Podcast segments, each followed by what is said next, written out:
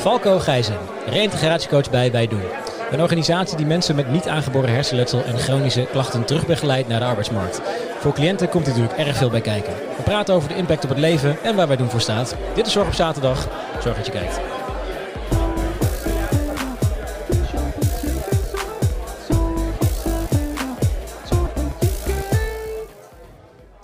Falco, goedemiddag. Goedemiddag, Laurens. Je hebt uh, fantastisch mooi weer meegebracht uh, vanuit het, uh, het mooie Amsterdam. Dat doe ik heel graag. Ja. Helemaal naar het mooie Groningen, wat ook voor jou eigenlijk weer een beetje thuiskomen is, hè? een soort van. Ja, klopt ja. ja ik appte net op mijn familie van I'm back met een screenshot van dat ik in Groningen ben. Want ik ben ooit in Groningen geboren. Ja. Kijk eens, kijk eens.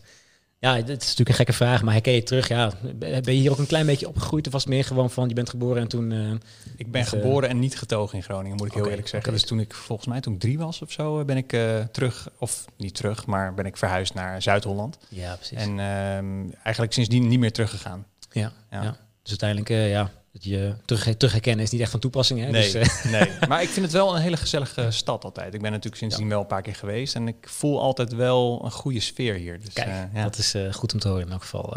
Ja. Waarschijnlijk wat, wat de Groningers hebben als ze af en toe even naar Amsterdam gaan, voel jij dan weer als je af en toe in Groningen komt. Zeg Precies, maar. Dus, ja. ja. Hey, je bent met OV deze kant op gekomen, hè? Klopt. Um, je hoort natuurlijk dat, dat in het Westen uh, het in de treinen best wel weer druk schijnt te worden. Ook tijdens coronatijd en tijdens lockdown uh, perikelen, zeg maar. Ja. Hoe, is dat, uh, hoe is die rit geweest? Was het lekker rustig? Of, Ja, ik vond het eigenlijk vrij rustig. kijk, ik stap op, op Amsterdam-Zuid en daar is het natuurlijk wel vrij bedrijvig. Maar ik moet zeggen, sinds de coronatijd is het overal vrij rustig in de treinen. Oh, en dat, okay. dat vind ik eigenlijk wel heel prettig. Ja. lekker ontspannen, lekker uit het raam kijken en wat werk doen ondertussen. Ja, ik vind het lekker in die trein dat je dat, dat een beetje dat gezoom hoort en dan af en toe zo'n zo'n zo'n zo'n spoorboom voorbij hoort komen, weet je, als lekker, uh, lekker ontspannend. Ja. Tegelijkertijd denk ik weer terug aan uh, de tijd dat ik in de spits in de trein zat. Ik dacht van, poeh, nou, uh, dat, dat vond ik iets minder leuk vaak. Dat je echt op elkaar gepakt, vooral vanaf Almere, zeg maar, als ik vanuit Groningen kwam, hè, dan was het echt stampersvol vaak. Ja. Dus, dus ja, nou goed, dat is een, een op zich een, een bijkomstigheid dat het nu even iets rustiger is natuurlijk in de trein. Dus dat scheelt wel eventjes. Precies, ik vind het ook eigenlijk wel prettiger zo, moet ik heel eerlijk zeggen. Ja, wel. Het mondkapje ja. op zeker niet, maar nee, ja, de rest wel. Snap ik, snap ja. ik. Ja, ja, ja. Hey, maar uh, ja, om maar gelijk uh, van start te gaan. Uh, jullie focussen eigenlijk vanuit wij doen op een stukje nazorg, hè, nadat dat bepaalde uh, zaken ge gebeurd zijn. Um, en ja, als ik er zo over nadenk, en ook in, in, in, in de tijd na deze podcast toe, nazorg is eigenlijk best wel een onderwerp wat helemaal niet zo heel veel besproken wordt eigenlijk, hè? Ja, je, je hoort er inderdaad niet heel veel over. Um, het wordt ook wel de chronische fase genoemd. En ja. er is natuurlijk een fase van reïntegratie. Um, maar inderdaad, daar, daar, daar hoor je niet heel veel over. Dat klopt. Ja. Nee. Nee, terwijl het eigenlijk wel een echt een van de belangrijkste onderdelen is van uh, iemand zijn ziektebeeld. Hè? Als ze dan herstellende zijn, uh, dan in een chronische fase terechtkomen. En, en eigenlijk als je dan weer uh, terug wil gaan om weer een onderdeel van de maatschappij te zijn. ja, eigenlijk is het eigenlijk ook wel gek dat dat ja, zo weinig aandacht krijgt eigenlijk, hè, wat dat betreft. Ja, dat, ik, ik snap het tegelijkertijd ook wel weer. Want de, aandacht ligt heel erg op die revalidatiefase. En um, ja, bij de revalidatie worden mensen heel erg uh, voorbereid op de thuiskomst en de reintegratie in de maatschappij. Ja. En, um, maar ja, tijdens zo'n revalidatietraject is er natuurlijk heel veel zorg voor iemand. En wordt iemand op alle manieren ondersteund en gevoed met informatie. En uh, kan iemand terugvallen op, op allerhande zorg. En ja, als iemand weer thuis komt, ja, dan valt dat weg. En ook daar heb je natuurlijk genoeg begeleidingsinstanties voor. Alleen het is vaak zien we dat mensen wel in een spreekwoordelijk zwart gat vallen als ze thuiskomen. Ja. Uh, en want dan begint er een hele nieuwe fase, de chronische fase. En die heeft zijn hele eigen set aan uitdagingen uh, en, en dingen die belangrijk zijn. Ja, ja precies. Het, het bijzondere is ook wel dat. Uh, uh, want jullie focussen niet alleen op, op niet aangeboren hersenletsel natuurlijk, maar ook uh, uh, of, chronische klachten ja. um, en ook, ook na kanker. Ja. Um, ja, de, de, cliënten die je krijgt, mensen hebben natuurlijk een, een, het heeft natuurlijk een gigantische impact op iemands leven. En iemands leven staat natuurlijk helemaal op zijn kop na ja. zoiets. Ja, ja dat, dat, klopt. Er wordt vooral bij um, hersenletsel, uh, niet aangeboren hersenletsel, veel gesproken over een breuk in de levenslijn. Hè? Ja. Dus je hebt, je hebt echt het leven voor het letsel en het leven na het letsel. En dat heb je met, met uh, vaak een behandeling naar kanker ook termen als het chemobrein, misschien heb je daarvan gehoord. Ja. Dat, hè, dat, uh, dus daar, daar vindt, vinden ook allemaal veranderingen plaats in iemands lijf, in iemands systeem eigenlijk, die uh, toch de fase na de behandeling van zijn ziekte als kanker toch heel anders maken dan daarvoor. Ja. Uh, waarin iemand niet altijd meer kan wat hij kon. Ja, ja. inderdaad. Ja. En dat zal waarschijnlijk veel uh, ja, onbegrip, onmacht, uh, boosheid bij mensen uh, terugbrengen hè, die dan in zo'n situatie zitten. Ja, zeker. Het is ook heel moeilijk uitleggen. Hè? Want, want um, je hebt natuurlijk de, de zichtbare gevolgen van, van aandoeningen. Maar bij niet aangeboren hersenletsel of na een behandeling van kanker of bij een chronische aandoening is dat vaak niet zichtbaar. En dat is juist voor mensen zo moeilijk ook om uit te leggen aan anderen. Um, omdat ja, je kunt van de buitenkant niet zien wat er wat er in iemand omgaat en waar iemand mee, mee worstelt. Nee. Ja, want ik, ik had toevallig, uh, of toevallig, natuurlijk is het niet toevallig natuurlijk, in de, in de, in de weg hierheen had ik uh, nog even wat, wat, wat, artikelen gelezen, ook over mensen die vertellen over uh, niet aangeboren hersenletsel wat ze opgelopen hebben. vaak komt uh, concentratieproblemen, heel snel vermoeid zijn, te pas en te onpas migraines. Ja, als je, als je ook continu heel erg vermoeid bent, mensen in je omgeving, terwijl je er misschien gewoon van de buitenkant normaal uitziet, uh, mensen in je omgeving zullen ook denken van, hm, ja, wat, wat, is, wat is daar nou weer mee, weet je? Want er ja. natuurlijk onder, uh, onder de leden natuurlijk heel veel uh, gaan is eigenlijk. Klopt, de, dus dat, dat leidt inderdaad ook in, in sociale situaties, zoals je beschrijft, ook, ook heel vaak tot um, ja, strubbelingen, ja. moeilijkheden in de communicatie of in de verwachtingen die je van elkaar hebt. ja, ik, ik kom bij mensen thuis, ik kom ook vaak op werkplekken. Dus daar, daar zie je um, heel veel situaties waarin er mismatch is tussen verwachtingen of in de communicatie. En ja, dat is vooral natuurlijk voor de, voor de personen die het, die het letsel hebben, is dat heel moeilijk. Ja. Want voor hun is het allemaal twee keer zo zwaar. Eh, en, en veel moeilijker. Dus ja. Ja, ja. Worden jullie ook eigenlijk als uh, reintegratiecoach ook echt met, met open armen ontvangen of door, door een cliënt? Of uh, is het vaak wel dat ze ook een beetje zoiets hebben van, hm, nou, wie, wie komt mij nou weer helpen, zeg maar? Um, nou, wij zorgen altijd dat we, dat we wel een, een goede kennismaking doen. En uh, we, we, doen ook een, een gratis spreekuur bij, uh, bij verschillende revalidatiecentra. Ja. Waarin we mensen die een arbeidsvraag hebben laten doorverwijzen naar een spreekuur. En dan horen we ze aan. Dus ze kunnen dan hun verhaal doen en ook uitleggen wat hun situatie is. Dus dan denken wij met ze mee van, goh, hoe zouden wij jou kunnen helpen in je situatie? Ja. Um, en we, wij varen daarin altijd wel op basis van, is er een klik of niet? En dat, ja. is, dat moet van ons een klik zijn, maar ook van, van de cliënt zelf. Dus um, het, het, gebeurt eigenlijk niet dat mensen van tevoren zoiets hebben van nou, ik, ik, ik, wil, ik, ik heb, wil eigenlijk uh, liever niet door jullie geholpen worden. Nee, nee, nee dat, dat, dat, is uh, eigenlijk nooit het startpunt. Ja. Uh, want wij hebben ook heel erg de overtuiging, wij, wij kunnen iemand helpen als die ook geholpen wil worden. Ja. Ehm, ja, en anders dan gaat het toch wat averechts werken, denk ik. Ja. En de klik is dan uh, echt persoonlijk niveau, of je moet echt een beetje die, dat, dat vingerspitching gevoel met elkaar hebben? Of, uh...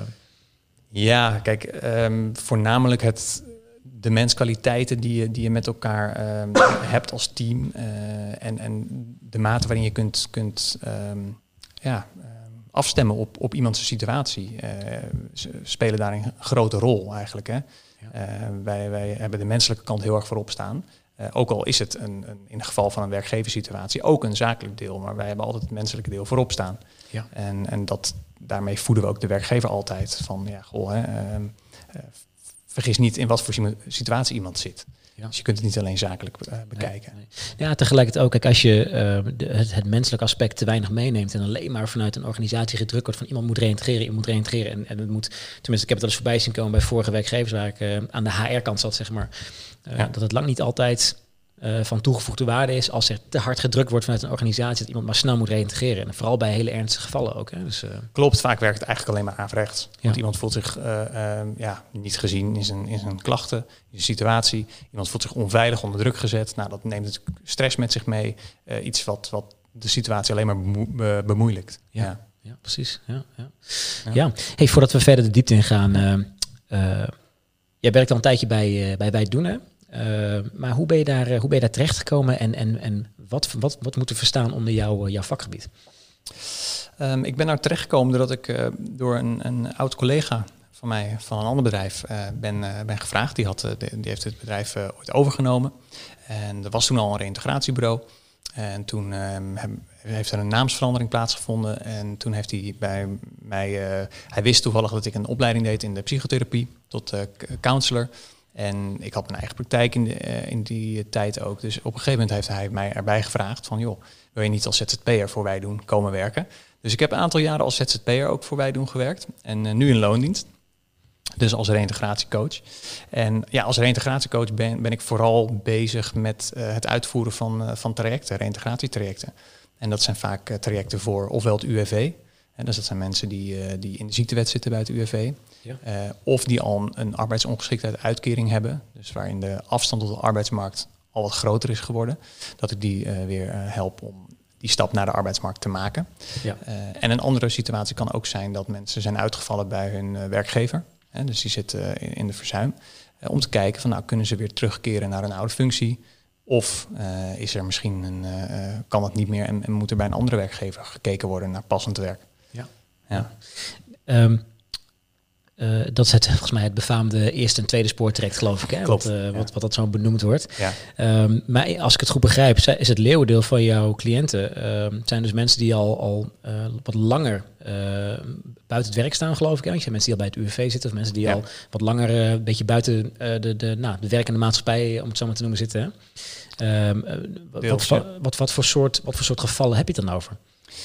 Ehm, ja, dat zijn dus mensen met, met ehm, niet aangeboren hersenletsel. Dus die hebben een, een, een NAH doorgemaakt. Of eh, die zijn eh, inderdaad eh, langdurig eh, arbeidsongeschikt bepaald door het UWV na eh, een, een, een ziekte als bijvoorbeeld kanker. Of die hebben een chronische aandoening, waardoor ze permanent ook minder arbeidsvermogen hebben. Ja, ja. Ehm, ja. En niet aangeboren hersenletsel, of, of NAH zoals, zoals het genoemd wordt. hoe ontstaat zoiets? Door, door wat voor... Hoe- hoe krijgen mensen dat, laat het zo zeggen? Ja, je hebt, je hebt grofweg eigenlijk de twee soorten traumatisch en niet-traumatisch hersenletsel. Eh, traumatisch hersenletsel kun je denken aan eh, een val of een verkeersongeluk of een klap op je hoofd. Ehm, en niet-traumatisch, daar wordt onder geschaard de, de, de beroerte, hè, de, de CVA's. Ja. Dus een herseninfarct of een hersenbloeding, TIA. Ehm, maar het kan ook een ontsteking zijn, meningitis bijvoorbeeld, of zuurstofgebrek als gevolg van hartfalen bijvoorbeeld. Dat zijn allemaal aanleidingen voor, eh, kunnen allemaal aanleiding voor hersenletsel zijn. Ja. Ja, ja. Maar eigenlijk zou je dus bijna kunnen zeggen dat eh, ook bij, bij alledaagse dingen, eh, als jij bijvoorbeeld valt en je valt hard op je hoofd, dat je iets meer dan een zware hersenschudding krijgt, zeg maar, of, of vaker dan een keer een hersenschudding Bijvoorbeeld vechtsporten bijvoorbeeld, dat, Ja. daar komt dat waarschijnlijk veel bij voor dan, of niet? Ja, dit, is heel interessant dat je dit noemt, want dit is best wel een onderbelicht onderwerp. Want dit, Ja. dit gaat in op de, de hersenschuddingen inderdaad en de postcommotionele klachten, zoals ze Ja. het noemen. Dus dat is niet de hersenkneuzing, maar de hersenschudding. En daar komt nu steeds meer aandacht voor dat er ook heel veel mensen rondlopen die inderdaad zijn gevallen of een klap op hun hoofd hebben gehad. eh, Wat niet een hersenkneuzing is. Dus het is ook niet op een scan terug te zien dat er, dat er letsel is of iets dergelijks. Maar ze hebben wel ehm, ja, heel veel last van, van bepaalde klachten. En dat wordt steeds meer eh, wordt dat onder de aandacht gebracht. Want het Ja. is een serieus probleem. Ja. Waar, waar veel meer mensen mee rondlopen dan we doorhebben, stiekem. Ja, volgens mij is het een, eh, een, een, een flink wat jaren terug bij, American Football heel erg naar voren gekomen. Door die, eh, die, eh, die onderzoeker of die arts volgens mij die het CTE noemde. Ja. Ik weet even niet precies waar die term Ja, voor, staat. Het is een hele bijzondere term volgens mij. Maar in elk geval dat, dat heel veel voetbal, voetbalplayers dan als ze een jaar of 40, 50 zijn, dat ze dat dan hebben en echt gewoon brain damage hebben. En daardoor ja, ook niet meer, niet meer zichzelf zijn, zeg maar. En dat het zelfs kan leiden tot, tot suïcidale situaties, zeg maar. Kan verre gevolgen hebben. Ja. Sowieso, het, het hersenletsel kan, kan hele ehm, verschillende vormen aannemen. Ja, ik moet ook zeggen dat ik in het verleden eh, eh, was eh, kickboksen een, grote hobby van mij, zeg maar, Ah, als, als sport, zeg maar. Ja. Maar sinds ik eh, ook flink wat jaren terug maar hier wat meer in ging verdiepen, dacht ik ook al van, nou, vechtsporten, dat, dat, dat is niet meer voor mij weggelegd hoor. Want Verstandig. ik, heb, ik ben, ben er niet zo van om zoveel, zoveel klappen op mijn hoofd te krijgen, weet Ja. je wel. Niet dat het zo snel gebeurt, maar je weet het nooit. Dus, Ja. dus, dus liever niet. Ja, het is ook natuurlijk vrij, vrij apart, want het, eh, het brein is zo complex en het, Ja. het doet zulke, eh, eh, het, het luistert allemaal letterlijk zo nauw dat ehm, ja, we, mo- je moet niet, denk ik, willen dat er te veel klappen opkomen. Nee. Nee, nee. En, en wanneer mensen dan de traumatische vorm hebben gehad of niet traumatische vorm en, en er is een bepaalde vorm van hersenschade, wat, wat, wat, wat gebeurt er dan bij mensen?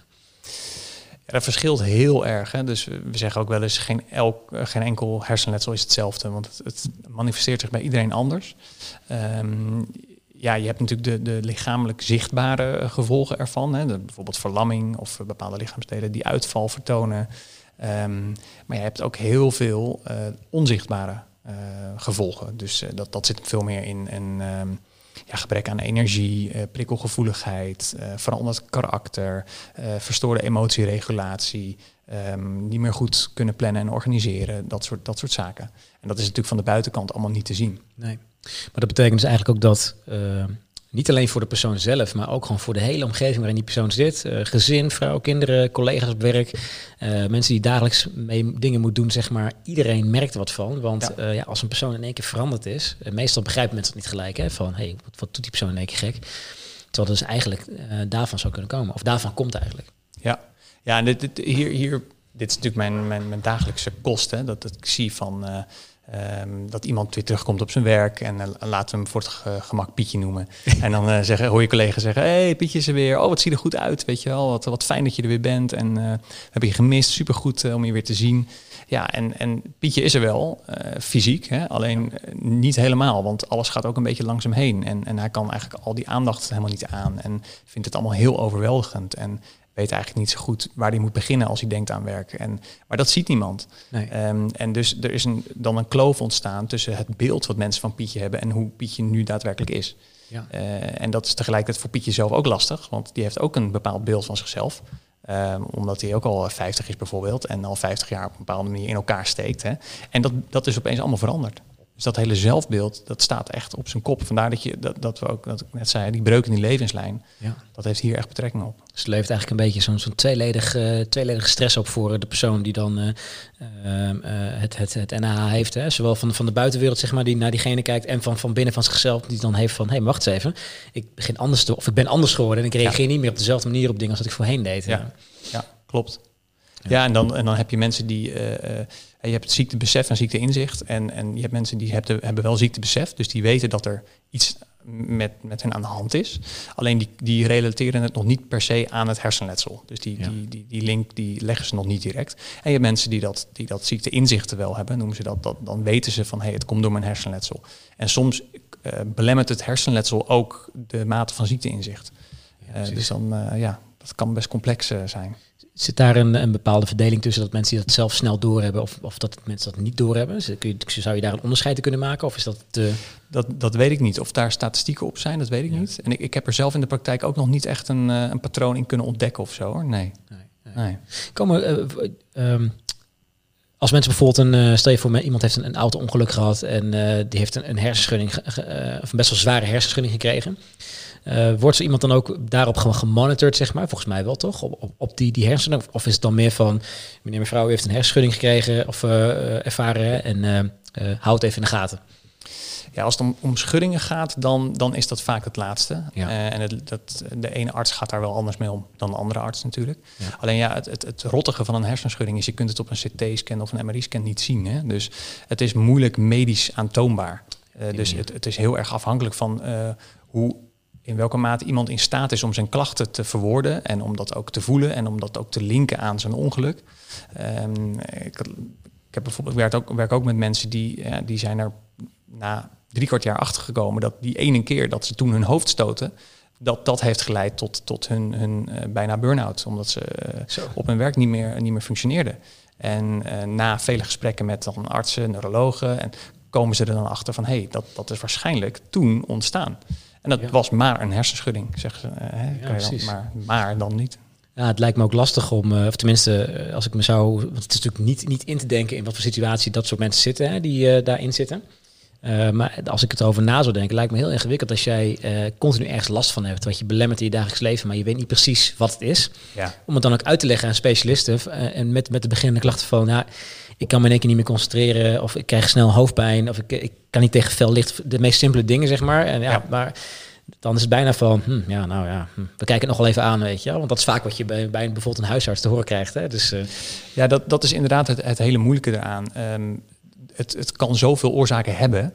Ja. Uh, en, en als het dus niet op een scan naar voren komt, ja, zie het dan maar goed te diagnosticeren. Dat is echt een hele grote uitdaging. En uh, vandaar dat het ook vaak tussen wal en schip een beetje valt. Of dat die klachten dan net niet de erkenning krijgen die ze nodig hebben. Ja. Um, omdat ten eerste moet iemand zelf die, die verbanden leggen. Hè? Van, van hey, ik heb me toen mijn hoofd gestoten en zou dat daarmee te maken kunnen hebben? Want als je dat in een gesprek met een neuroloog niet noemt, ja, dan kan een neuroloog ook niet denken van hé, hey, wacht even, het zou daaraan kunnen liggen. Ja. Uh, en Maar als iemand dat wel weet, dan, dan zou je ook nog als medicus uh, natuurlijk de, wel de verbanden moeten kunnen leggen. En dat, dat kan ook niet iedereen. Hè. Niet iedereen is, is uh, specialist op, uh, op alle gebieden. Nee, zo nee, werkt het nee, inderdaad. Ja. ja, het is toevallig dat je het zegt, want, want ook als je een beetje de artikelen leest, ook over hoe, mensen, hoe en waar mensen hulp krijgen. Um, een van de eerste dingen die benoemd worden, is inderdaad mensen met eigenlijk de, de, de, de cliëntengroep die jullie hebben of krijgen. Hè? Mensen met niet aan of met NAH, uh, mensen met chronische klachten, chronische pijnklachten of mensen na kanker bijvoorbeeld, hè, dat die heel vaak tussen wal en schip uh, belanden. Ja. En um, dat zal dan waarschijnlijk dan ook komen dat um, de klachten niet, niet goed aantoonbaar zijn, of dat het niet in zich, of dat het niet terug te zien is op een scan of iets dergelijks. Ja. Waardoor specialisten inderdaad kunnen zeggen: Oh, wacht, dat is dit. Oh, dan kom je in dit en dit, dit direct terecht. Ja, klopt. En dat is. Um, ja, eigenlijk weten we of kunnen we nog te weinig meten. Laten we daarop houden, medisch gezien. Dat, en ik zeg we, ik ben geen dokter, maar wij, als mensen bedoel ik dan van. Bijvoorbeeld, je ziet dat bij een TIA. Dat is echt een typisch geval waar, waarin. Um, ja, een TIA is, is medisch gezien van voorbijgaande aard. Hè. Dat is een korte, korte onderbreking in, uh, in, de, in, eigenlijk de, de zuurstoftoevoer uh, van, de, van de hersenen, bloedtoevoer. En ja, dat is van voorbijgaande aard, maar soms hebben mensen er wel jarenlang blijvend last van. Maar dat, dat is op een scan niet terug te zien. Nee. Uh, dus het kan medisch gezien, kan niemand zeggen, dit is het.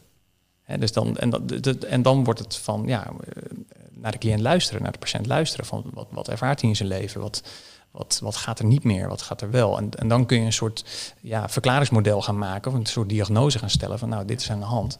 Maar dat is soms heel lastig.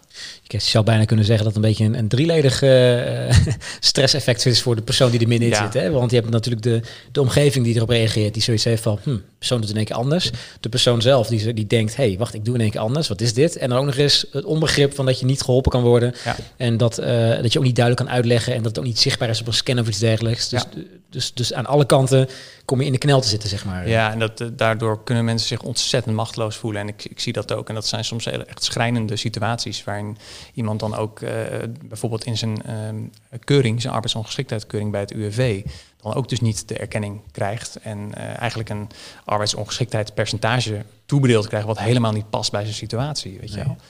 En dat is, dat is voor mensen echt, levert ongelooflijk veel stress op.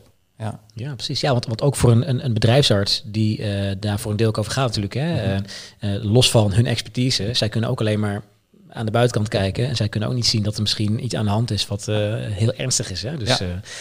ja. Als je dan mensen bij jullie krijgt, hè? die, well, so far down the rabbit hole zitten eigenlijk. Hè? Aan alle kanten onbegrip, ook in, in het nou, laat ik het anders zeggen. We hebben in het verleden een keer iemand gehad die uh, uh, zorgvragers in, in, de, in de maatschappij uh, ondersteunt met alle hulpmiddelen, zeg maar. Hè, met, met maatschappelijke, het WMO-traject, WMO zeg ja, maar. Ambulante begeleiding. Ja, precies. En, ja. en dat, dat is zo'n gigantische weerwaar aan, aan regels en wetgeving en, en noem het dan maar op. En ook als je kijkt naar wanneer je met een ziektebeeld bijvoorbeeld bij je werkgever weg moet. er zit zo, zo'n gigantische lijst aan richtlijnen en regelgevingen. Ja iemand moet wel helemaal uh, gedesillusioneerd, uh, onmacht, boos, onbegrip. En die mensen die, die komen dan bij jou terecht. Maar hoe, hoe begint dan zoiets? Want uh, iemand die is dan waarschijnlijk helemaal, helemaal in zichzelf gekeerd of zo, of, of boos. Of, Ja, wij, wij, dat is een goede inderdaad. Wij, wij, zien mensen vaak niet net na die keuring. Hè? Want ja. wij zien mensen vaak in het moment moment dat ze na zo'n keuring dan al een tijdje een uitkering uh, hebben van het UWV. Ja. En dan op een gegeven moment weer de stap willen maken naar de arbeidsmarkt. Ja. Dus daar, daar zit dan al vaak een paar jaar tussen waarin iemand uh, ja, toch beter heeft uh, kunnen omgaan met, met de situatie. Er zit een soort van rust, rustperiode tussen en dat ze een beetje kunnen accepteren, zeg maar. Ja, ja. precies. En dus, dus daar komen mensen vaak bij ons in beeld. Of pas net als ze uh, zijn uitgevallen, eigenlijk na hun revalidatie. Okay. He, want als iemand uh, bij, bij, een werkgever zit, je hebt natuurlijk die twee jaar uh, wachttijd voor de, voor de via, dus twee jaar max twee jaar ziek. dan komen wij vaak in beeld rond dat eerste jaar, want dan zijn mensen klaar met revalideren. Dan is er weer sprake van, hé, hey, ik misschien moet ik weer eens koffie gaan drinken bij mijn werk en even mijn collega's gedag zeggen. Nou, dan komen wij langzaam in beeld om dat eerste en tweede spoor te begeleiden. Ja, precies. Ja, ja. ja want wat je zegt, er zit natuurlijk inderdaad een, een, stukje acceptatie ook bij de persoon zelf bij, hè? Wat, wat heel veel belang is. Want voordat de persoon geaccepteerd heeft hoe de situatie is, uh, kom je niet verder. Nee, Dat is inderdaad een, een heel goed punt. Uh, en, en wij zitten vaak in dat midden in dat proces. In dat, je gaat eerst door een rouwproces heen. Hè? Want als je die breuk in die levenslijn hebt, ja, dan, dan moet je eerst maar eens gaan leren uh, accepteren. En, en dat is, dat is uh, een proces van jaren vaak. Hè? Ja. Dat doe je niet zomaar. Het is niet een knopje. Ik zeg altijd, het is helaas geen knopje wat je even uh, om kan zetten. Nee. Want, en nu ben ik uh, de nieuwe Pietje, laat ik het Nee. zo zeggen. Nee, inderdaad. Nee. En dat, dat is heel lastig. En daar, ja, onze begeleiding richt zich daar ook heel erg op, op het persoonlijke uh, vlak. Dat, uh, ja, dat sociaal-emotionele deel ook van, van de situatie. Van ja, wie, wie was iemand en wie is iemand? Ja. En, en hoe, hoe leer je jezelf weer opnieuw respecteren en waarderen voor wie je nu bent? Ja. Um, ja, terwijl je die dingen niet meer, niet meer kunt die je kon. Merk je daar eigenlijk ook verschil tussen in, in, in leeftijdscategorieën? Bijvoorbeeld iemand die, uh, uh, nou, laten we zeggen, begin 20 is, uh, tussen iemand die bijvoorbeeld tegen de 50 is, dat bijvoorbeeld het, het acceptatieproces sneller kan gaan met iemand nog minder, ja, bewijs van minder heeft meegemaakt, zeg maar. Zit daar verschil tussen? Of, uh, want het verschilt natuurlijk sowieso per persoon, hè? Maar, uh, ja, dat is, dat is een mooie vraag. Ja, het, zoals je zegt, het verschilt zeker per persoon hoe iemand met tegenslagen omgaat. Hè. Dat, is, uh, uh, dat is gewoon een karakterstructuur. En uh, dus de een gaat daar constructiever mee om dan, dan de ander. Um, maar het is natuurlijk wel zo, als je 50 bent, dan zijn al je patronen en je zelfbeeld en, en alles, dat is al zoveel meer ingesleten dan wanneer je 20 bent. Hè. Dus ja. je kunt denk ik wel zeggen dat het voor iemand van 20 in de regel makkelijker zou moeten zijn om, om zijn leven een andere richting te geven uh, dan iemand van 50. Ja, ja precies. Ja, ja. ja want ik, ik, kan me zo voorstellen dat iemand die bijvoorbeeld uh, uh, nog, niet zo, ja, nog niet zo lang leeft, hè, precies wat je zegt, patronen zijn nog niet zo ingesleten en dan van ja, ja, uh, ik, ik moet toch nog een hele tijd. Dus, uh, dus ja. het is misschien nog makkelijker om je aan te passen. Ja. Uh, tuurlijk, het blijft altijd, altijd moeilijk om te accepteren dat dingen niet meer hetzelfde zullen zijn. Hè? Want je hebt natuurlijk al wel flink wat jaren erop zitten. Maar ja, lijkt me, lijkt me lastig iets. Ja, dat is zeker lastig. En, maar wat jij zegt speelde wel inderdaad mee. Als je 20 bent, dan, dan ligt je carrière nog voor je als het ware. En als je 50 bent, dan, dan zit je al tegen je pensioen aan te kijken, als het ware. Ja. Dus dan ligt het grootste deel van je carrière alweer achter je. Dus ja. dat is een heel andere mindset eigenlijk. En ja. Um, ja, we proberen mensen ook altijd in, in een mindset te, te, te helpen waarin ze ja, weer perspectief hebben voor hun leven. En zoiets hebben van, nou oké, okay, met, met wat er nu is, ga ik gewoon er het beste van maken. Ja. Wat dat dan ook mag zijn, maar ik ga in elk geval weer lol in mijn leven proberen te vinden. En mezelf waarderen voor wie ik ben. Ja, exact. Ja, ja want wat los van het feit dat als iemand bijvoorbeeld uh, het grootste deel van zijn carrière al erop heeft zitten, uh, rond 50 voorbij de 50, ze moeten nog best wel een tijd. Ja, dat, dat dus wordt alleen maar meer natuurlijk. Ja, dat, dat, dat ja. zit er ook nog steeds bij. Hè? Ja, dus, uh, zeker. dus ja, dat is een. een, een um, elke situatie is ook maatwerk. Hè? Dat, dat, dat, is, dat is ook een van onze ja, pilaren van geen enkele situatie is anders. Dus altijd kijken naar de bier tegen je over je hebt. Uh, hoe die persoon in, in, in de situatie staat, wat hij nodig heeft. Uh, ja, en er is, er is geen enkel protocol of werkwijze die voor iedereen werkt. Dat bestaat nee, gewoon niet. Nee, begrijp ik. Alles is uh, echt ja, voor, voor de individu ja. moet het op maat zijn. Hè? Want er is niks dat, niks dat bij de een werkt, werkt per, per definitie ook bij de ander. Zeg maar. Helemaal als het om, om echt persoonlijke trekjes gaat en dingen die op één persoon van toepassing zijn. Exact. Dus ja. dus ja. Hey, en, en, en wij doen. Hoe is dat zo ontstaan? Want je bent, je bent uh, eerst als ZZP ingehuurd geweest, hè? je Ja. bent erbij gekomen. Ja. Um, ben jij als een van de eerste erbij gekomen of bestond er al een tijdje? Of, uh... Um, het is dus overgenomen, dus er waren toen nog wat mensen werkzaam. Nou, die zijn inmiddels niet meer werkzaam ervoor. En, en ik was wel een van de eerste uh, toen mijn huidige werkgever Ingmar het overnam en mij erbij vroeg. Was ik een van de eerste, dus inmiddels vijf jaar geleden. Dus even, je bent echt een van de, de, de grond, grondleggers ja. van het, het nieuwe concept, zeg maar. Ja, klopt. en dat vind ik ook heel leuk, want ja. ik, ben, ik ken hem uit een, van een ander bedrijf in de pro, positie van procesverbeteraar. Dus ik ben ook wel altijd bezig geweest met organisaties bouwen en dingen vastleggen, processen vastleggen, uh, dingen efficiënter gaan doen, groei, verandering. Ja, dat is toch wel mijn beetje mijn, mijn werkgebied. Dus dat vind, vond ik ook altijd heel, als heel leuk ervaren om dat met hem te doen. Dus eigenlijk wat, wat, wat, wat ik veel heb gehoord in de zorgsector van ja, we doen het zo omdat we het altijd al zo doen.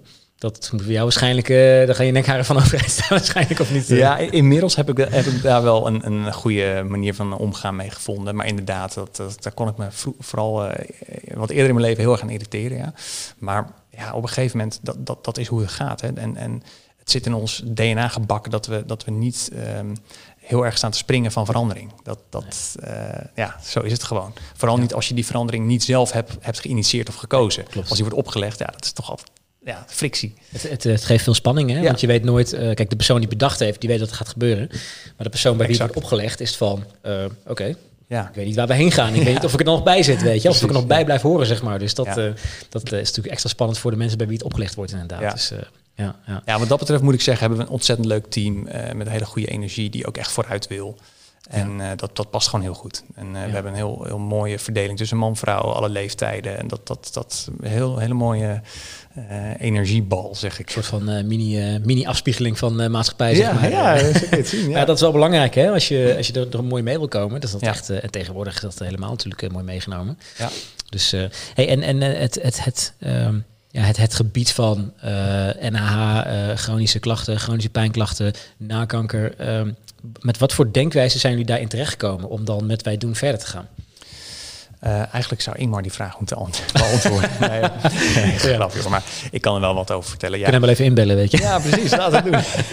Ehm, kijk, de, de keuze op NAH, want daar is het ooit mee begonnen, om dat specialisme te, te pakken, is gevallen omdat dat zo onderbelicht was.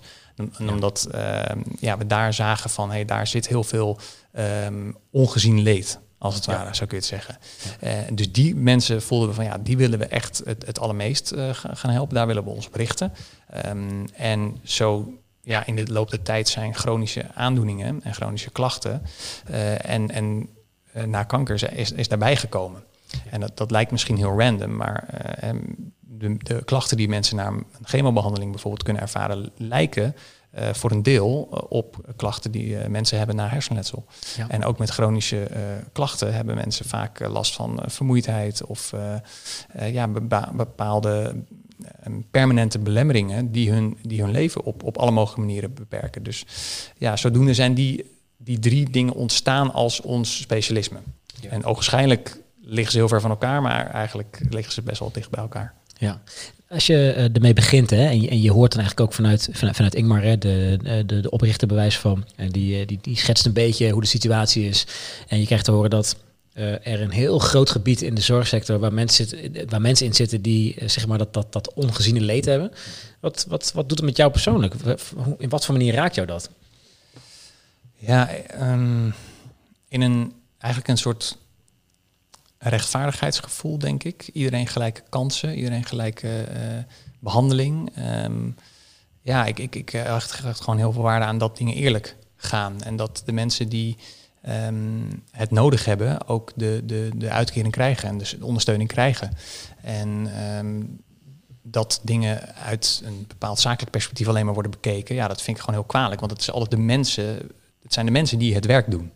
Zeker. Dus ja, da- daar, daar voel ik me altijd wel heel erg eh, mee verbonden. Van ik, ik wil dat persoonlijke en dat menselijke, dat is voor mij echt belangrijk. Ja. Eh, want niemand heeft gevraagd om een, om een hersenletsel of om een chronische aandoening of eh, om, om een ziekte als kanker. Dus ehm, ja, en, en, en als je nu naar de arbeidsmarkt kijkt, dan is die vooral ingericht op, op mensen die ehm, tussen aanhalingstekens normaal functioneren. Hè? Dus die geen beperking hebben. En terwijl er zo'n grote groep is die wel eh, beperkt is in zijn functioneren. Dus daar zou wat mij betreft ook veel meer, eh, zouden veel meer arbeidsplekken voor kunnen en moeten komen. Ja, zeker. Zeker. Ja, het is bijzonder eigenlijk hè, dat eh, eh, die sector zo ingericht is op alleen maar mensen die normaal functioneren. Terwijl wat je zegt eigenlijk inderdaad, een hele grote groep is die het ook niet meer, Ja, ja, zeg maar, normaal doen. Ja.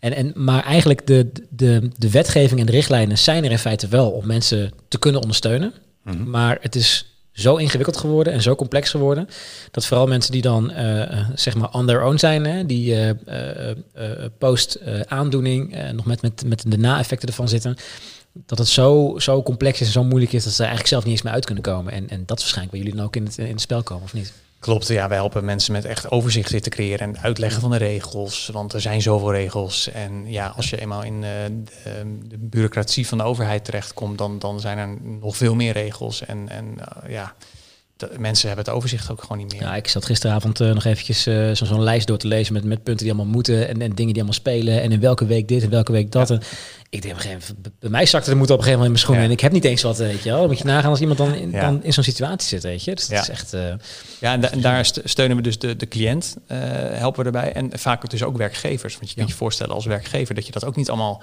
uit je hoofd weet. En, en Um, ja, als je bij, uh, bij, een groot bedrijf heb je vaak een HR-persoon die daarbij bij helpt. Hè. Die doet dan het case management. Maar ja, als je wat kleine bedrijven hebt en, en gewoon de directeur bent en, en dat, moet, dat uh, verzuimdossier moet gaan managen, ja, dat, uh, daar, daar helpen we vaak ook bij. Omdat um, ja, dat kun je niet allemaal weten. Dat is, en, en, en, vaak is het ook, ook nog eens zo dat sorry, dat uh, uh, mensen ook niet helemaal weten hoe ze met zoiets moeten omgaan. Hè? Dat, dat uh, een, een, directeur, hoe goed ze ook zijn in hun vakgebied, en het zijn vaak een beetje de alleskunners hè, bij de wat kleinere organisaties, om dan in één keer om te gaan met iemand die een, een, chronische aandoening heeft. Vaak is dat, is dat ook best wel, best wel lastig voor, voor dat soort mensen. Ja. Um, maar ik, ik, hoor, ik las ook dat jullie um, een best wel unieke werkwijze hebben, hè, wat betreft als iemand weer gaat reïntegreren. Dat jullie ook meerdere groepen erbij betrekken, zodat het nog soepeler en sneller gaat met, met reïntegratie, zeg maar. Ja, ja, dat is inderdaad een van onze uh, speerpunten. Inderdaad, dat is samenwerken. Onze, onze uh, tagline noemen ze dat, is ook reïntegreren doe je samen. Wij proberen echt, of wij zoeken eigenlijk altijd de samenwerking op met alle betrokken partijen. Dus of dat nou een, een bedrijfsarts is, een arbeidsdeskundige, een, een letselschadeadvocaat of een ambulante begeleidingsinstelling. Weet je wel. Dat, er zijn, kunnen zoveel mensen betrokken zijn bij iemand um, in, die, in die chronische fase. En wij vinden het juist belangrijk om dat net te sluiten, zodat je niet um, ja, allemaal verschillende dingen gaat doen. Of juist dezelfde dingen gaat doen zonder dat je ja. het weet. Ja, precies. Ja, en, en tegelijkertijd ook hoe meer mensen weten wat er speelt. Uh, want wat volgens mij benaderen jullie ook familieleden en, en, en collega's. Tenminste, als ik denk dat zelf wil volgens mij. Hè, want ja, ik, volgens mij las ik, las, heb ik het goed gelezen dat jullie ook de cliënt echt in de regie laten. Hè? Dat die ook voor een ja. groot deel bepaalt uh, wat, wat, de, wat de snelheid is en hoe dingen verlopen. Zeker. Uh, maar, maar ook dat stukje vind ik op zich wel mooi. Want uh, als je, je je collega's met wie je direct samenwerkt, of je, je gezinsleden of mensen met wie je nauw betrokken bent, als die weten en begrijpen wat er speelt, dan gaat dat proces natuurlijk veel sneller. En dan hoeven ze niet nog een keer op een later moment uitgelegd te krijgen. Klopt. En het is voor de persoon, eigenlijk haal je daarmee die, die drie stresspunten, hè, die we net eigenlijk, uh, eigenlijk uh, een soort, soort van benoemden. Eigenlijk, eigenlijk nemen die een beetje weg eigenlijk. Ja, dat, daar, of tenminste, daar, daar vinden we in elk geval de, de beste weg in. Of proberen ja. we. En uh, we komen ook altijd bij mensen thuis inderdaad, om juist dus de thuissituatie te zien. Dan zie je wat er speelt, hoe, hoe de partnerdynamiek is, hoe de dynamiek is in het gezin. En dat, dat levert mij als coach ook veel informatie op van hey, waar, waar, waar wringt de schoen en, en waar, ja. welke dingen moeten besproken worden. En dan kunnen we vaak aan partners ook dingen uitleggen. En um, als er sprake is van hersenletsel, vindt er ook altijd een, een neuropsychologische intake of een neuropsychologisch onderzoek plaats door een van onze eigen neuropsychologen. En dan, dan werk ik ook met de neuropsycholoog samen om te kijken van hey, wat, wat, waar is deze cliënt het, meest bij gebaat? Waar, waar, waar, moeten we op letten? Wat moeten we uitleggen? Um, en wie, welke Um, zorginstanties moeten we er nog meer bij betrekken. Ja. Moeten we bijvoorbeeld een ambulante uh, begeleidingsinstelling betrekken? Of moeten we iemand toch uh, uh, het hersensprogramma van intracultuur adviseren, omdat hij nog wat nazorg nodig heeft? Dat soort dingen. Maar wat is eigenlijk het belang van het, het neuropsychologisch onderzoek of, of, de neuropsychologische intake die jullie doen? Um, goede vraag. Um, eigenlijk is het neuropsychologisch onderzoek en de intake is een, een heel mooi, mooi iets om de zaken die niet door een CT of een MRI-scan uh, uh, aan het licht komen, om die alsnog aan het licht te brengen.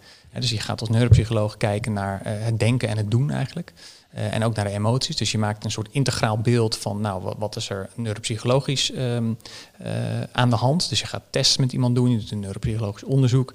Uh, om het cognitief functioneren in kaart te brengen. Daarnaast ga je ook een anamnetisch onderzoek doen door in gesprek te gaan met de persoon zelf, met de partner, te kijken hoe iemands leven eruit ziet. Om zo'n integraal beeld te vormen van welke elementen uh, spelen er in, in het leven van deze persoon en hoe hangen die samen. En, en hoe vertalen die zich naar belastbaarheid eigenlijk. Ja. ja. ja. En dus dat, ik vind het een heel mooie, ja, um, als ik geen coach was geweest, was ik, uh, was ik een neuropsycholoog geworden in dit uh, beroep. ja, want mooi, het, het, het, grappige net, ik, ik vroeg me al af, want je zei aan het begin, hè, van ja, het zijn, het zijn uh, gevallen die niet op een CT-scan terug te zien zijn of op een MRI-scan, daar, daar kunnen die dingen niet uit voortgebracht worden. Ja. dus ik vroeg me af van ja, maar hoe dan wel? Maar dat, in dit geval, op deze manier kun, kun je dus toch wel dat soort dingen in kaart brengen en dan zien van oké, okay, dit zal waarschijnlijk het geval zijn en dan ja. kan daar veel effectiever ja, behandeltraject uh, op, op ingesteld worden waarschijnlijk. Hè? Ja, dus, precies. Want het, het, levert ons gewoon handvatten op. Want als er niks op een scan te zien is, hè, dan, dan kan het wel zo zijn dat er uit een, een neuropsychologisch onderzoek of uit een intake wel bepaalde conclusies komen. Waardoor je beperkingen beter kunt onderbouwen. Ook naar het, naar het UWV toe, als er een verzekeringsarts een arbeidsongeschiktheidskeuring moet doen. Ja. En dat, dat helpt allemaal. Dus dat, dat, is, ja, dat, dat helpt gewoon bij het onderbouwen. Ja, en daar hebben jullie gewoon specialistische neuropsychologen voor in, in dienst, hè? als onderdeel van de organisatie, dan uh, dat bij de mensen doen. Ja, ja super, super. Ja, dat is heel fijn werken. ja, dat is heel fijn werken. Ja. Ook mooi om die, die kennis gewoon in huis te hebben, want hoef je niet mensen weer, weer naar een extern bureau te sturen om daar weer te laten controleren of iets dergelijks. Wat, wat toch vaak al wel het geval is in de, in de zorgwereld, hè? dat uh, mensen tientallen uh, hokjes of, of loketjes af moeten. Dat ja. woord zocht ik. Ja, om, om een check te doen en dat wordt weer doorgevoerd. En iedereen heeft weer een andere manier van data registreren. En uh, ja, ja. wordt, wordt het alleen maar ingewikkelder van. Hè? Dus, uh... Klopt. En ik vind het ook heel fijn voor mij als coach. Want, want soms dan, dan zie ik bepaalde dingen bij iemand en dan, dan kom ik daar ook niet helemaal uit van. Hey, dan denk ik van, hmm, wat is nu het beste om te doen? En dan als ik dan met de neuropsycholoog schakel die ook dat, dat, uh, die intake heeft gedaan, of dat onderzoek, ja, dan, dan kunnen we even toch sparren om zo tot de beste aanpak te komen. Ja, oh, uiteraard in overleg ook weer met Ja, de cliënt hoor. zeker, maar ja. dat is dus, dus altijd werken we daarin op de achtergrond ook samen. Dat is mooi. Ja, echt. Ehm, wat betreft dat reïntegratietraject, hè, want je begint met een cliënt, je, je doet eerst een intake om te kijken of je de wederzijdse klik hebt. Hè. Ehm, krijg- tu- of krijgen jullie cliënten toegewezen of komen cliënten bij jullie terecht? Of, eh, want, wat een klik, want stel je voor dat er een klikgesprek gebeurt, eh, ja, wellicht komt het niet zo vaak voor, maar stel je voor er is een klikgesprek en jullie hebben allebei zoiets van, dit lijkt me niet zo'n goed idee, van, van weer, beide, kanten, hè? dus zowel cliënt als, als jullie als eh reïntegratiecoach. Waar gaat zo iemand, wordt dan iemand weer herplaatst naar een andere eh reïntegratiebureau, zeg maar? Of, eh, Ja, kijk, vanuit het UWV, ehm, als mensen eh, komen, dan hebben ze altijd de keuze uit, het, eh, eh, uit drie reïntegratiebureaus waarmee ze in gesprek mogen. Ja. En dan mogen ze zelf bepalen van nou, bij dit reïntegratiebureau voel ik me het fijnst, die, die gaan mij helpen. Ja. Ehm, dus in dat geval ligt het vooral bij de, bij de cliënt zelf. Hè. Ehm, en als het vanuit een werkgever is, dan ontmoeten we vaak iemand al tijdens een revalidatie. Hè. Noemde net al even, wij doen gratis spreekuren bij eh, nou, onder andere eh, een aantal, ik zal geen namen noemen, maar een aantal re- eh, revalidatiecentra. Ja. En ehm, ja, daar ontmoeten we mensen die een arbeidsvraag hebben.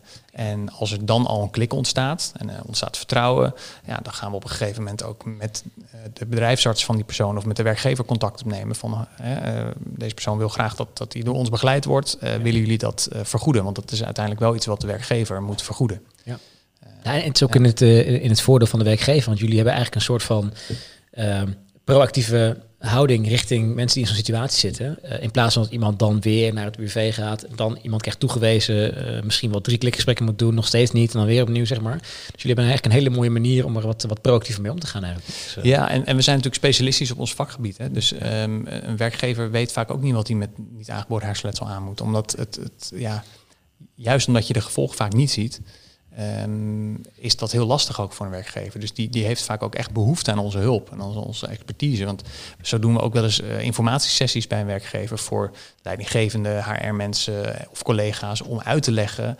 En dan betrekken we dan ook weer de neuropsycholoog bij om uit te leggen wat, eh, wat het is, het, her, eh, het hersenletsel. En, en hoe je er het beste mee om kunt gaan, hoe je erover in kunt, gesprek kunt gaan, wat je, wat je kunt verwachten en niet.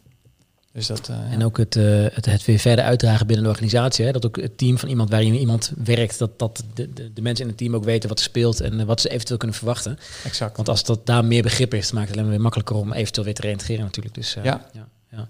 Hey, en zo'n reïntegratietraject, hè, dat gaat natuurlijk met, met ups en downs. Mhm. Hoge pieken, soms misschien nog diepere dalen. Ja. Hoe, hoe, ver- hoe verloopt zoiets? Ja, dat, dat is ook echt afhankelijk van de, van de cliënt inderdaad van, en van de situatie. Eh, maar ups en downs zijn er zeker. En ehm, wat je in het begin vaak ziet... Oh, lekker, ik krijg wat water, dankjewel. Ehm, wat je in het begin vaak ziet is dat, dat mensen toch heel graag willen. Eh, dus ze zijn vol goede moed, gaan ze weer naar de werkvloer.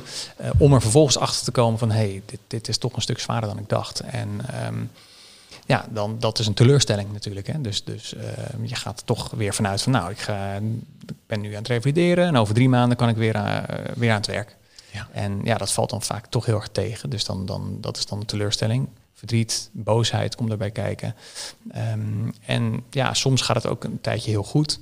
Eh, en dat is dan heel fijn om ook te merken dat het opeens zomaar weer een stuk beter kan gaan.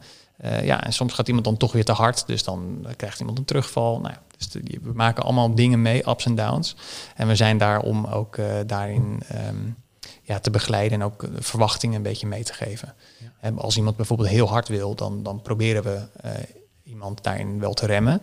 Maar we zijn ook, hè, eigen regie had je het net al even over. We zijn er ook van als iemand graag wil, vinden wij het ook belangrijk dat iemand zijn eigen uh, binnen de perken dan wel, hè, maar zijn eigen grenzen kan, kan verkennen. En, en ja, als, het, als iemand daarin te ver gaat, dan uh, is het ook niet erg als je daarna een paar dagen helemaal kapot bent, bijvoorbeeld. Ja. Dan weet je in ieder geval, heb je aan de lijve ondervonden hoe dat is.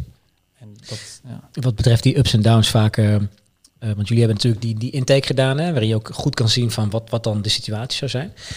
Um, en als iemand dan inderdaad heel hard wil gaan, van nee, binnen drie maanden ben ik weer aan het werk en dit en dat. Die, mensen die zullen die net iets te hard gaan en dan ook aan de lijf hebben ondervonden wat, uh, uh, ja, wat de grenzen zijn, die zullen waarschijnlijk ook wel misschien tijdelijk even de harte terugval hebben of niet. Als dan er even met de neus op het feit worden gedrukt van, mm, zo snel gaat het niet. Betekent dan ook dat jullie af en toe uh, ja, een soort van even de, de, de, de, de boksbal van de, van de cliënt zijn? Dat hij even kan, kan afreageren naar jullie toe van, oh, je moest... Weet je, dat hij even stoom kan afblazen, want, want in feite helpen jullie, begeleiden jullie daar persoon natuurlijk wel in. Dus, uh. ja, ja, zeker. We, we zien uh, alle emoties langskomen hoor. Ik zie ja. echt op een dag mensen met, met boosheid, verdriet, um, ja, on, onmacht. Um, ja, dat, dat, en daar, daar, zijn, daar ben ik ook voor hè, als, als, als coach. Dat dat allemaal geuit kan worden. Is een veilige container creëer ik eigenlijk met de cliënt. Van, van de, daar, daar kan alles gezegd worden, heeft alles een plek, is alles welkom. Dat ja. is het eigenlijk. Hoe zorg je eigenlijk voor jezelf dat je daar uh, uh, einde van de dag uh, of einde van je werktijd, dat je daar ook afstand van kan nemen? Want je krijgt natuurlijk best wel met, met, met, met schrijnende gevallen te maken af en toe. Hè? Uh, Zo'n traject heeft natuurlijk ups en downs. Er zullen ongetwijfeld ook hele leuke momenten zitten wanneer iemand een doorbraak heeft of wanneer Zeker. iemand weer eindelijk weer terug aan het werk kan en, uh, en, en de, de, de, situatie geaccepteerd heeft en weer verder kan.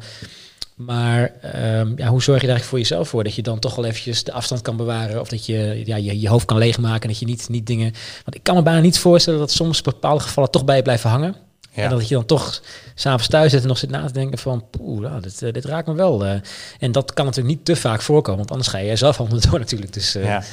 ja, nou, mooie vraag. Wat, wat ik sowieso doe is als ik zo'n moment heb dat ik me echt even geraakt voel in iets, dan, dan probeer ik het altijd wel te delen met collega's. Ja. Dus dan hebben we een groepsapp en dan uh, gooi ik het erin en dan krijg je support van collega's. Dus dat is heel fijn. En ik probeer ook mijn, mijn eigen emoties vooral niet weg te stoppen. Hè, als iemand bijvoorbeeld, uh, ik heb een keer iemand, uh, gehad, of twee keer eigenlijk al, dat iemand een, opnieuw een, een, een bloeding, een hersenbloeding kreeg um, in het traject met alle gevolgen van dien, ja, dat, dat raakt me heel erg. Dan, dan, dan ben ik ook echt emotioneel en dan, dat ja. laat ik dan ook toe. Want ik wil dat niet wegstoppen of iets dergelijks. Want het is gewoon heel menselijk. En je bent, ik heb een band met die mensen en ik ben begaan met die mensen. Dus ja, dat, dat, um, dat is ook welkom. Um, alleen ik moet zeggen, ja, ik heb, misschien heb ik mazzel dat ik, dat ik gewoon ook een, uh, het ook weer goed van me af uh, kan zetten. Ik, ik lig er s'nachts niet wakker van. Dat, nee. dat niet. Nee. nee. Nee, want wat ik al zei, hè, als je dit, als je dit niet, niet op die, in die bepaalde manier van je af kan zetten, dan, uh, ja, dan wordt het lastig om het werk uit te ja. oefenen. Want dan Zeker. ga je er zelf stuk aan op een gegeven moment. Ja. Hè? Dus, maar ik, ik kan me heel goed voorstellen dat, dat als je dan zo betrokken bent met iemand en zo ver in een trek zit, en dan zoiets gebeurt met alle gevolgen van dien, ja, dan zie je mensen gewoon letterlijk stuk gaan natuurlijk. Hè? Dus dat is echt... Uh... Ja, dat is, dat, soms is het echt heel heftig. Ja, en ook om te zien uh, dat mensen dan een hele oneerlijke uh, arbeidsongeschiktheid uitkering krijgen. Of die in elk geval helemaal niet aansluit bij hun situatie. En dan zie je hoeveel, hoeveel stress en, en verdriet en, en boosheid daar mensen van hebben. Ja, dat, dat vind ik ook wel echt uh, confronterend om te zien. Ja. Ik vind het eigenlijk heel gek om, om te horen ook. En ook, ook toen ik een beetje aan het inlezen was. over dat hier zo weinig informatie over verdeeld wordt. Zeg maar. Natuurlijk, er is wel heel veel terug te vinden. Um, maar het, het, voor mijn gevoel is het, is het een best wel een, een, een beetje een, een weggestopt onderwerp. Hè? De, een beetje de, de, chronische klachten, zeg maar, die na, na een, ja, een bepaalde situatie, als bijvoorbeeld met, met NAH of, of na kanker of zo, dat, dat, ik heb het idee dat dat een beetje weggestopt wordt op een of andere manier of zo. Ja, ik, ik denk niet dat het per se weggestopt wordt, maar dat het gewoon uh, te weinig zichtbaar is. Ja. Dus uh, ja, zodoende zijn we ook, wij, wij, proberen het ook op alle mogelijke manieren zichtbaarder te maken. En, ja. Ehm, nou, we zijn onlangs ook een eigen podcast gestart om, om dat meer zichtbaar te maken. de Ongezien podcast.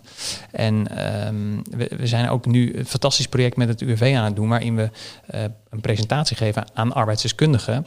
waarin we een coach, een neuropsycholoog en een ervaringsdeskundige iemand die met NAH in dit geval, ehm, gewoon een presentatie laten geven over om meer te vertellen van wat NAH betekent. En wat er allemaal bij komt kijken. En dat wordt met open armen ontvangen. Dus dat is ook voor, die, voor de arbeidsdeskundigen van het UWV is dat, is dat een hele, hele mooie nieuwe manier om daar, om daar uh, meer mee uh, of meer over te weten te komen eigenlijk. Ja. Want ja, alles wat je niet ziet is, is een stuk moeilijker om, dat, om daar je aandacht uh, naartoe te, te, te sturen. Hè? Dat, ja.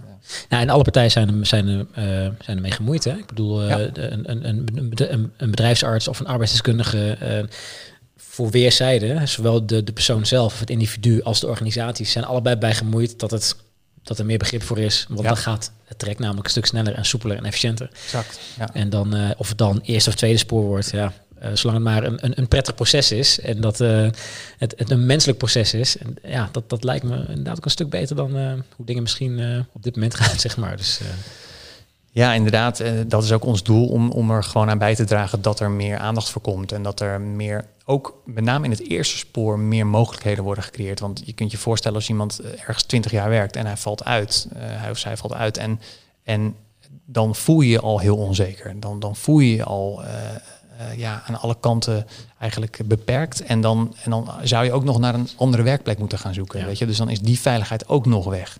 Ja, dat, daar hebben mensen vaak heel veel moeite mee. En, en het is natuurlijk ook nog heel moeilijk om een andere werkplek te vinden met zo'n aandoening. Hè. Dus dat, is nog een, even een ander punt. Maar uh, überhaupt het feit dat mensen, um, mensen willen gewoon graag naar die oude werkplek terug, omdat dat meestal, hè, natuurlijk niet altijd, maar meestal, omdat dat gewoon vertrouwd is. En uh, het is heel mooi als ik zie, ik vind het heel mooi om te zien als werkgevers dat ook zich beseffen en daar ook een mouw aan passen.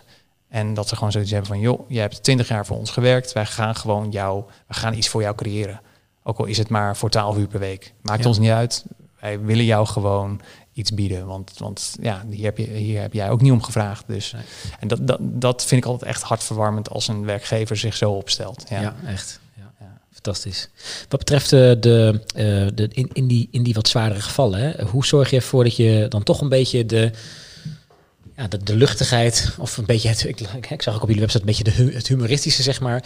Want um, in die taaie gevallen of in die schrijnende gevallen, ja, hoe, hoe, hoe doe je dat? Hoe zorg je ervoor dat, natuurlijk, het is natuurlijk uh, de, hoe noem je dat? De goochelaar geeft natuurlijk nooit zijn trucs vrij. maar, uh, maar ik vraag me toch een beetje af van in zo'n situatie, ja, hoe zorg je dan toch voor dat, zo, dat die gesprekken heel luchtig zijn, dat zo'n trekt toch een bepaalde, ja, uh, dat, dat het wat lichter aanvoelt, zeg maar, dan hoe de situatie eigenlijk daadwerkelijk is? Um, vooral denk ik uh, door één op één met de cliënt altijd um, ja, zo open en transparant mogelijk te zijn.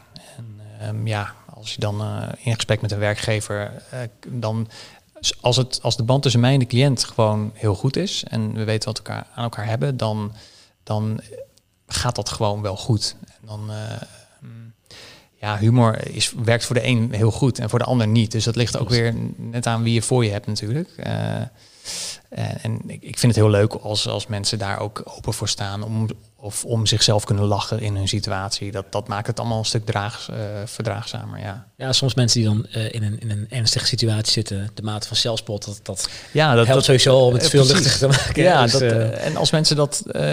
Ik, ik begin daar nooit mee. Hè? Dus dat is, de, dat is iets wat, wat ik niet zelf uit mezelf doe. Maar als iemand dat doet, dan haak ik daar graag op in. Weet ja, je? Dat, ja, en dan ontstaat er wel iets, iets leuks. Ja. Ja, ja, snap ik. Snap ik. Ja, het is, het is ook gewoon aftasten. Hè? Van bij, ja, bij, bij de ene kant wel en bij de ander niet. Dus, ja. Ja. Hey, wat betreft uh, de coronacrisis, hè? want uh, dat is natuurlijk een, een, hele nare situatie. Mensen mm. die corona hebben gehad, uh, schade aan de longen. Tij tijdens die periode wordt er minder zuurstof opgenomen, wat ja. kan leiden tot niet aangeboren hersenletsel. Ja. Zijn er gevallen die jullie bij, bij het doen gekregen hebben? Um, ja, ik heb zelf nog geen, geen gevallen, maar um, een van mijn collega's geloof ik wel. Um, want inderdaad, je, je merkt nu dat mensen die COVID hebben doorgemaakt en ja, dat die daar heel lang mee, mee bezig zijn. Dat dat inderdaad uh, hersen, uh, ook hersenletsel tot gevolg kan hebben. Ja. Dus um, zodoende hebben we ook voor een beperkte groep mensen die bepaald soort restklachten hebben, die kunnen wij ook helpen daarmee. Uh, je hebt natuurlijk ook een, aantal, een bepaalde groep die we niet kunnen helpen, dat het weer echt ander soort klachten zijn. Um, maar inderdaad, dat is um, ja, een bizarre situatie, die COVID-situatie. Ja. Het is echt. Uh, ook, ook voor ons uh, dagelijkse werk hoor. Het, maakt, heeft het natuurlijk wel heel erg veranderd. Ja, en ook, ook een stukje, want, want ja, we begonnen al over nazorg, hè? ook bij, bij mensen die COVID ervaren hebben.